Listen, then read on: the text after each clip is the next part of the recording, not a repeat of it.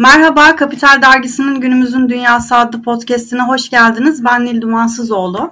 Biliyorsunuz pandemiyle birlikte pek çok sorunla yüzleşiyoruz. Bunlardan biri restoranların güvenilir ve sürdürülebilir hizmet vermesi. Diğeri de alkollü mekanların Türkiye'de tamamen kapanmasıyla birlikte işletmecilerin içinde bulunduğu zorlu süreç. Biz bu iki konuyu her iki başlıkta da çalışmalar yürüten Pernod Ricard, Orta Doğu, Kuzey Afrika ve Türkiye Genel Müdürü Selçuk Tuma ile konuşacağız. Hoş geldiniz Selçuk Bey. Hoş bulduk Hanım. Şimdi siz sürdürülebilirlik ve sorumlu hizmetin marka algısına ve tercih durumuna etkisinin tespiti diye bir rapor hazırladınız. E, doğrudur. Evet bir araştırma şirketi vasıtasıyla bir araştırma yaptık. Bu rapordan öne çıkan başlıkları bizimle paylaşır mısınız? Restoran ve bar tercihlerinde sürdürülebilirlik ve sorumlu üretim müşteri tercihi nasıl etkiledi ve aslında aslında pandemiyle birlikte bu noktada tüketici davranışlarında ne gibi değişiklikler oldu? Tabii ki memnuniyetle. Öncelikle bu önemli konuları gündemde tutmak amacıyla yapmış olduğunuz bu değerli programdan dolayı sizi tebrik etmek istiyorum ve bana bu fırsatı verdiğiniz için de çok teşekkür ederim. Öncelikle araştırmamızın örnekleminden bahsetmek istiyorum.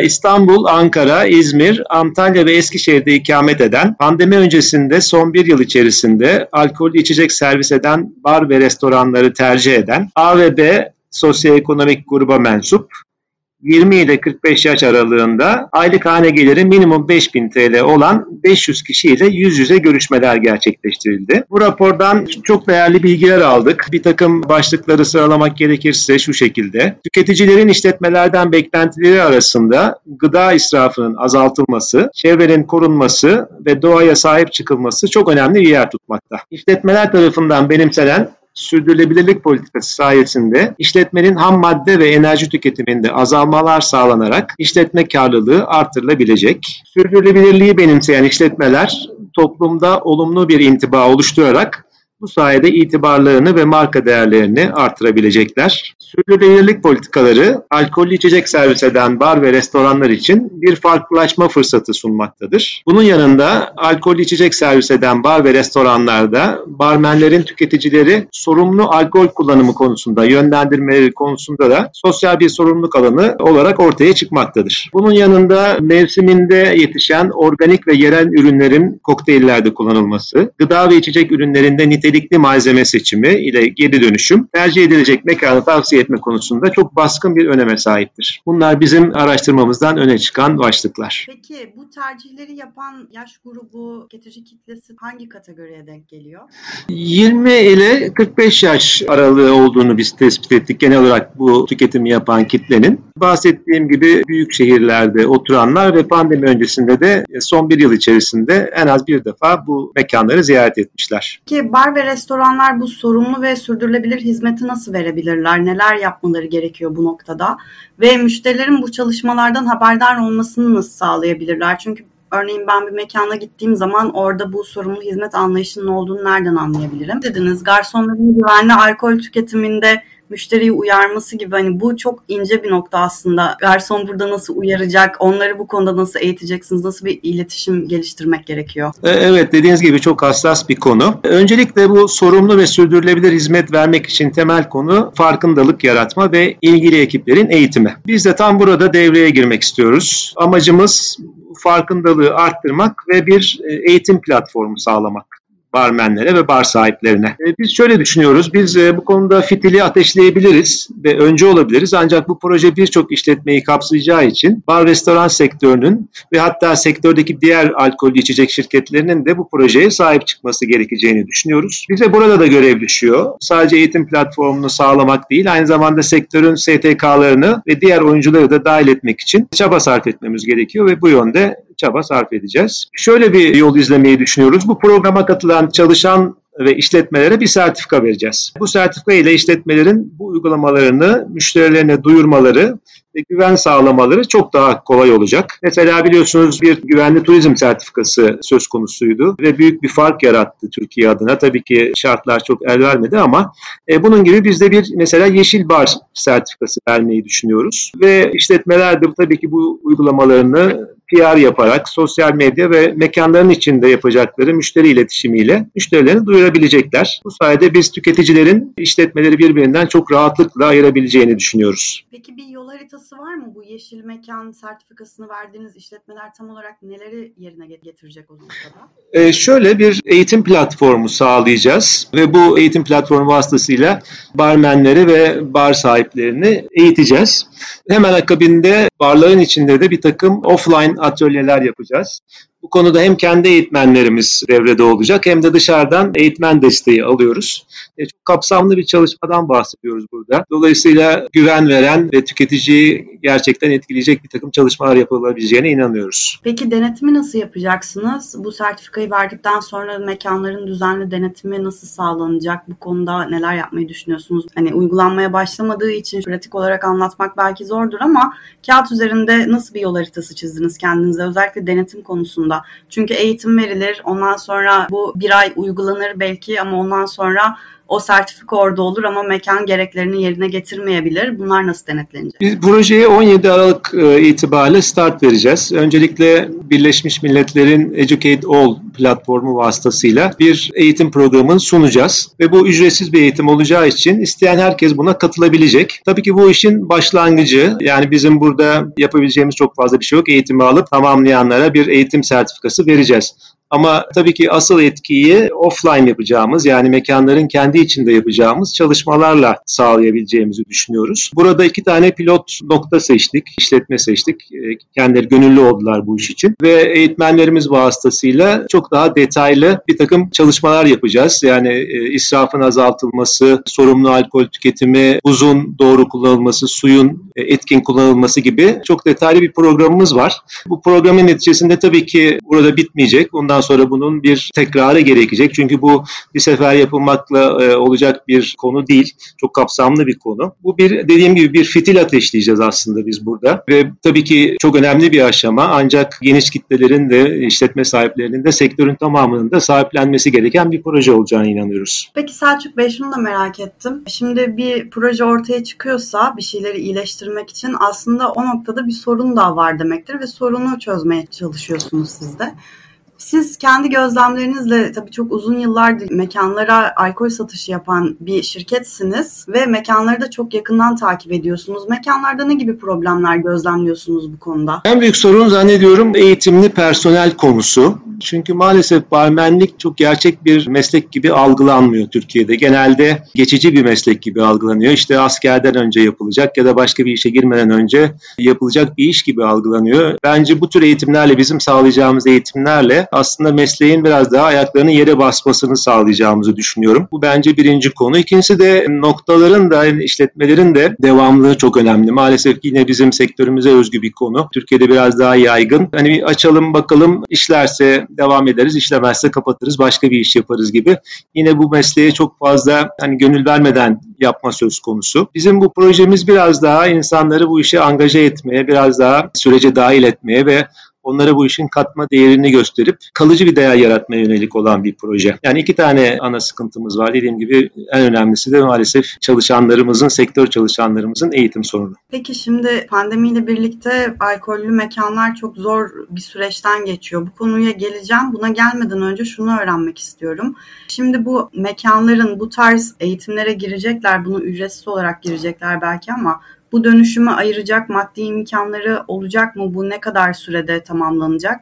Bir de offline olarak mekanlarda oradaki garsonlara eğitim vereceğinizi söylediniz ama şu an mekanlar kapalı. Sizin araştırmanızın tam bu döneme denk gelmesi sizin için ne gibi zorluklar yarattı ya da siz özellikle mi bu dönemi seçtiniz? Evet aslında biraz öyle oldu. Yani globalde uygulanan bir proje ve süreç içerisinde aslında bütün ülkelere yaymak istiyoruz. Ve bir an önce de bunu yapmak istiyorduk. Aslında pandemi de bir yerde biraz belki bir fırsat oldu. Şöyle ki e, elbette ki birçok işletme çok zor durumda. Ödenemeyen ve bireken kiraları var çalışanları işsiz ve en zoru da ne zaman ve hangi şartlar altında tekrar normal iş düzenine dönülebileceği ile ilgili bir belirsizlik var. Dolayısıyla birçok mekan hayatta kalıp kalamayacağını bilemiyor. Ama öte yandan iş hayatında fark yaratanlar bunu hep zor zamanlarda rakiplerinin yavaşladığı ya da durduğu zaman yaptıkları yatırımlar ve ataklar vasıtasıyla yapabiliyor. Bu yüzden biz bu yatırım için ideal bir dönem olduğunu düşünüyoruz.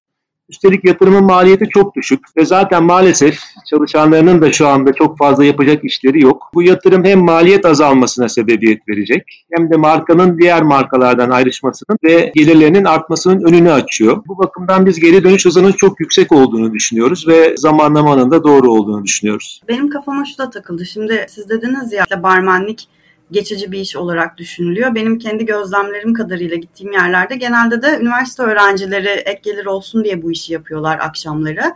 Ama üniversite öğrencilerinin çoğu memlekete gitti. Zaten şu anda mekanlar kapalı olduğu için çalışanları hala var mı yok mu onu da bilemiyorum personeli nereden bulacaklar da bu eğitimleri verecekler mekanlar? Şimdi öncelikle online tarafında zaten mekanda olmaları gerekmeyecek. Biz o platformu onlara online olarak sağlayacağız. Dolayısıyla nerede olduklarından bağımsız olarak bunu yapabilecekler. Pilot olarak e, bizimle anlaşan, gönüllü olan noktalarında çalışanların büyük bir kısmı İstanbul'da. Bunlar büyük mekanlar, büyük işletmeler. Dolayısıyla ekiplerini koruyorlar. Bu yüzden onlara ulaşma imkanımız var. Yani bu çalışmayı yapabileceğiz. Peki şu an pilot olarak olarak başlayacak. Önümüzdeki 5 yılda ne kadar mekana ulaşmayı düşünüyorsunuz ve bu mekan bu eğitim böyle sürekli olarak devam edecek değil mi? Mekanlar size istediği zaman başvurup gerekli eğitimi alabilecek. Tabii yani bu sürekli olacak olan bir şey. Yani başlayıp bitecek gibi bir durum söz konusu değil. Yani bir bitiş süresi yok. Başlangıç zamanı var ve bundan sonra biz Türkiye'de bu işi sahipleneceğiz. Yani dolayısıyla uzun yıllar yapmayı planlıyoruz. Şimdi bu iki pilot projeden sonra biz de biraz daha süreci öğrendikten sonra diğer müşterilerimize irtibata geçeceğiz. Mutlaka ilgileneceklerdir. Dediğim gibi geri dönüşü çok yüksek olacak olan bir program. Kaybedecekleri hiçbir şey yok. Hem tasarruf sağlayacak hem imajlarına çok olumlu bir etki yaratacak. Bu sebepten dolayı e, ben çok ilgi göreceğini düşünüyorum düşünüyorum. Biliyorsunuz İstanbul gece hayatı dünya çapında ünlü bir yer. Dolayısıyla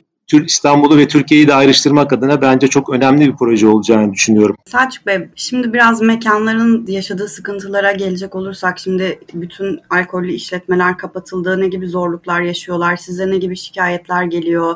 Neler gözlemliyorsunuz? Bu noktada sizin gibi tedarik sağlayan büyük şirketlerin üzerine düşen sorumluluklar nedir? Siz neler yapıyorsunuz? Bunlardan da bahsedin. E, tabii ki. Zannediyorum en büyük zorluk belirsizlik ile mücadele etmek. Bizim için olduğu gibi işletmelerde bu belirsizlikle mücadele ediyorlar. Mesela bilsek ki her yer Nisan ayına kadar kapalı olacak. İnanın bunu yönetmek çok daha kolay. Ama kimse ne zaman ve ne şartlarda geri döneceğimizi bilmiyor. Bu da hem insan psikolojisini çok olumsuz etkiliyor hem de işletmelerin kaynak yönetimini çok zorluyor. İnsanlar gelecek ile öngörü ve plan yapmaya şartlanmış yaratıklar. Önlerini görmek istiyorlar. Özellikle de iş dünyasında bu çok daha zor bir durum. Şu anda biliyoruz ki birçok işletme kiralarını ödeyemiyor. Bazıları mal sahipleriyle kira indirimi ve erteleme konusunda anlaştı bazıları anlaşamadı. Çalışanların maaşları çoğu yerde ödenemiyor. Birçok işletme kısa çalışma ödeneğiyle idare ediyor. Tedarikçilere ödemeler gecikiyor. Burada biz devreye giriyoruz ve gece hayatındaki işletmelere çok ciddi tolerans sağlıyoruz. Mart ayından bu yana alacaklarımızı büyük ölçüde geciktirdik. Hiçbir talepte bulunmadık ve uzun bir sürede bulunmayı düşünmüyoruz. Tabii ki işler açılsa da eski ciro seviyelerine gelmek çok zaman alacak. Ama şunu gördük. ilk dalgada biliyorsunuz Haziran ayı gibi açıldı mekanlar ve hemen bir iki hafta içerisinde normal cirolarının %40-50 seviyesine ulaştılar. Bir ay içinde de yaklaşık 80-90 seviyelerine ulaştılar. E, bu da şunu gösteriyor ki hem tüketicilerimiz, müşteriler hem de işletmeler normale dönmeye çok hazırlar. Ve özellikle Türkiye'de çok çabuk adapte olabiliyoruz yeni durumlara. Ben bu sebepten dolayı aslında oldukça da umutluyum. Çünkü insan varoluşundan bu yana sosyal bir varlık.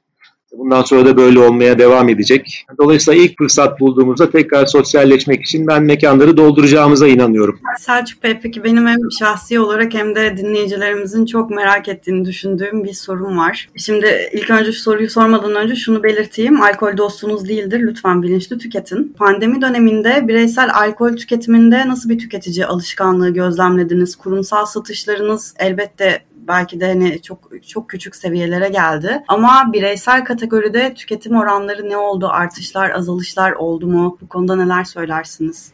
Şöyle kategoriden kategoriye değişti. Mesela şarap kategorisinde daralma görüyoruz. Çünkü e, dışarıda tüketime çok e, açık ve bağımlı olan bir kategori olduğu için evdeki tüketim artışı dışarıdaki ev dışı tüketimdeki daralmayı karşılamadı. Ama viski ki bizim işimizin büyük bir kısmını oluşturuyor. Viskiye baktığımızda ciddi bir artış gördük evde tüketimde. Dışarıdaki tüketim ev dışı tüketimin açığını karşıladığı gibi artıya da geçti viski tüketimi. Şunu gözlemledik. İnsanlar evde olduğu vakit daha fazla tükettiler. Evdeki kapanmalar esnasında e, tüketim için bu biraz daha bir fırsat yarattı. İkincisi evde tüketim daha ekonomik. Ev dışında neredeyse perakende fiyatının 3 katı 4 katı fiyat ödeniyor.